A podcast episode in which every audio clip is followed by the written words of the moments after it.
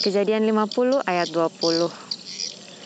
Memang kamu telah mereka-rekakan yang jahat terhadap aku, tetapi Allah telah mereka-rekakannya untuk kebaikan dengan maksud melakukan seperti yang terjadi sekarang ini, yakni memelihara hidup suatu bangsa yang besar.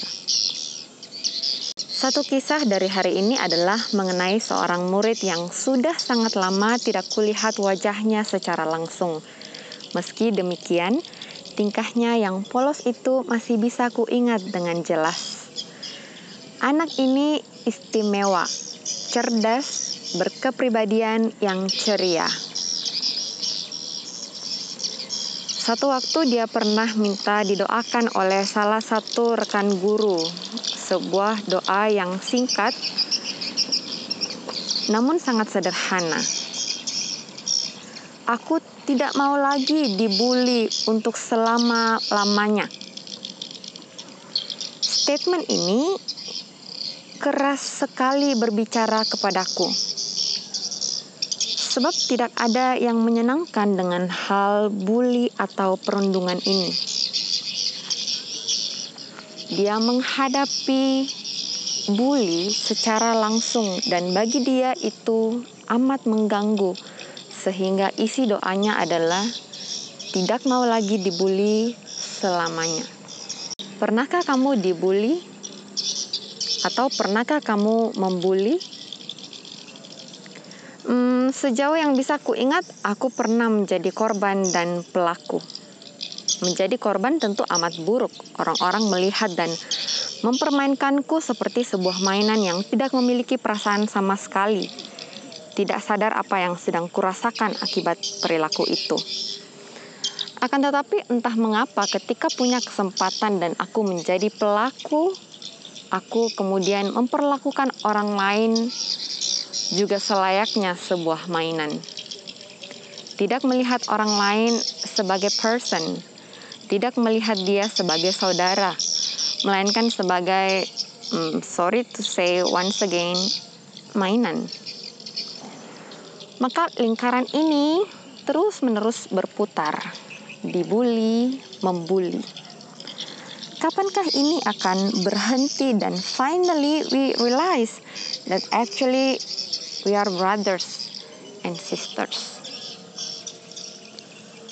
Mengingat kisah bully, kisah Alkitab yang paling pertama muncul di kepala adalah kisah Yusuf dan saudaranya. Di hari yang sama dengan kejadian Yusuf dijual, saudara-saudaranya bahkan sudah tidak memperlakukan dia sebagai layaknya seorang saudara. Remember that Yusuf pergi ke dekat Shechem. Si anak muda ini hendak menjumpai abang-abangnya yang sudah sibuk bekerja. Di dalam perjalanannya itu, dia bertemu seorang lain yang bertanya, "What are you seeking?" Apa yang sedang kamu cari? Dan Yusuf langsung menjawab, "I am seeking my brothers." Ya, tidak ada yang spesial sebenarnya kan, namanya juga saudara. Akan tetapi saudara-saudaranya ini tidak melihat hal yang serupa statement saudara-saudara Yusuf yang melihatnya dari jauh adalah Here comes this dreamer. Bagi Yusuf mereka adalah saudara-saudaranya. Tetapi bagi mereka Yusuf hanyalah sekadar seorang tukang mimpi. Tukang mimpi dengan mimpi-mimpi yang tidak pernah diperhitungkan oleh mereka. Well, setelah itu kita semua tahu ceritanya bahwa abang-abang lanjut membuli secara fisik dengan mengambil jubah Yusuf, right? Satu tindakan yang amat kasar sebenarnya kalau mau dipikir-pikir lebih lanjut. Mengambil baju orang lain dan memperlakukan itu dengan buruk. Bahkan lebih lagi membuang Yusuf ke sumur. Membuang. Sekarang adik yang tukang mimpi berubah menjadi hmm, sampah dibuang. Oke, berhenti sejenak di sini. Kita sudah mendapatkan gambaran yang cukup clear mengenai apa yang terjadi pada Yusuf oleh karena saudara-saudaranya. Hmm, sadar atau tidak, terkadang dalam hidup ini kita juga bisa mengalami hal yang serupa. Ada orang-orang tertentu yang hanya melihat kita sebatas si pemimpi, tukang mimpi di siang bolong, aka si aneh. Oleh sebab itu, mereka kemudian melakukan banyak hal buruk kepada kita. Mereka bisa treat kita dengan kasar, tidak mempedulikan perasaan kita, dan kita menjadi amat kesulitan. Kita struggle menghadapi hidup kita sehari-hari. Kondisi ini bahkan tidak selalu hanya dihadapi oleh anak-anak sekolah, anak remaja, bahkan sampai kita kuliah atau bekerja pun orang bisa treat kita dengan buruk, bukan?